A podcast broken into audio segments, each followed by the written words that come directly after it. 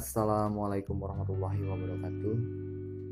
Bismillahirrahmanirrahim. Alhamdulillahirrahmanirrahim um, Pada kesempatan kali ini Izinkan saya untuk sedikit membahas tentang um, Apa sih pendidikan karakter itu. Dan um, Coba saya akan gali sedikit tentang pendidikan karakter yang terkandung dalam sebuah naskah sih sebenarnya Nah, naskah di sini adalah naskah produk masa lampau.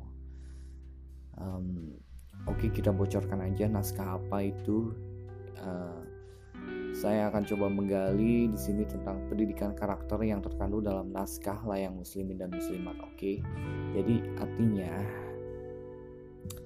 uh, teman-teman para peneliti pada masa kini banyak yang berbicara tentang pendidikan karakter, tetapi pendidikan karakter yang terkandung dalam naskah layang muslimin dan muslimat ini belum banyak sih yang ngebahas hal-hal tersebut gitu.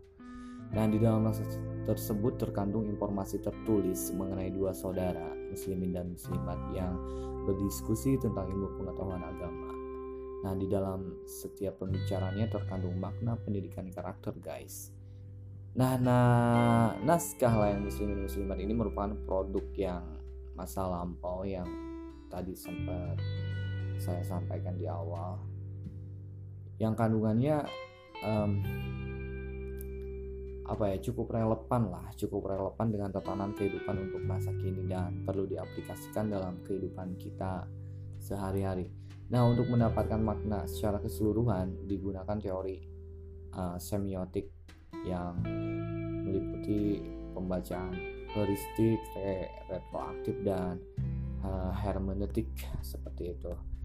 Nah, pendidikan karakter apa sih pendidikan karakter itu? Nah, pendidikan karakter adalah pendidikan budi pekerti plus yang intinya merupakan program pengajaran di sekolah yang bertujuan mengembangkan watak dan tabiat siswa dengan cara menghayati nilai-nilai dan keyakinan masyarakat sebagai kekuatan moral dan kekuatan moral dalam hidupnya melalui kejujuran.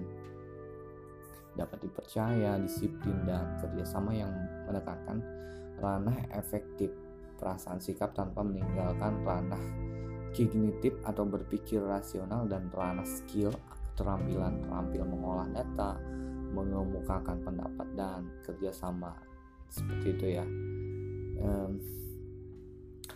jadi secara konsepsional pendidikan budi pekerti atau karakter mencakup tiga hal. Pertama itu usaha sadar untuk menyiapkan peserta didik menjadi manusia seutuhnya yang berbudi pekerti luhur dalam segenap peranannya pada masa sekarang dan yang akan datang. Kedua, upaya pembentukan, pengembangan, peningkatan, dan pemeliharaan perilaku peserta didik agar mereka itu mau, guys, dan mampu melaksanakan tugas-tugas hidupnya secara selaras, serasi dan seimbang lahir batin, material, material spiritual dan individual sosial gitu. Jadi ketiga itu upaya pendidikan untuk membentuk peserta didik menjadi pribadi seutuhnya yang berbudi pekerti luhur melalui kegiatan bimbingan, pembiasaan, pengajaran latihan, dan keteladanan Nah, naskah layang muslimin muslimat ini merupakan dokumen otentik dan merupakan artefak budaya yang isinya syarat dengan nilai-nilai kepribadian seperti jujur, disiplin, berpikir rasional, dapat bekerja sama, dan tidak menyerah dalam menghadapi masalah, guys. Informasi yang terkandung dalam naskah ini penting untuk disampaikan kepada generasi berikutnya agar mereka nih agar mereka ini memahami warisan yang berharga ini. Pada kenyataannya masyarakat Indonesia umumnya tidak mengetahui isinya. Kandungan naskah layang muslim muslimat ini menguraikan tentang perbedaan istilah wajib dengan fardu. Rukun Islam, rukun iman, kitabullah yang berjumlah empat, jumlah hari dalam seminggu, jumlah bulan dalam setahun disertai isi bumi serta empat unsur alam yakni tanah, angin, api, dan air. Selain itu, kandungan naskah layang muslimin muslimat juga menguraikan tuntunan bagi manusia dalam bersikap terhadap sesama manusia dan makhluk lain. Manusia diharuskan mencari ilmu dan mencintainya serta diwajibkan untuk mengaplikasikannya dalam kehidupan sehari-hari. Nah, manusia harus mempunyai kepedulian terhadap sesama manusia dan makhluk ciptaan Allah, guys. Yang makhluk ciptaan Allah yang lain seperti tanah, angin, api, air, nah lain sebagainya.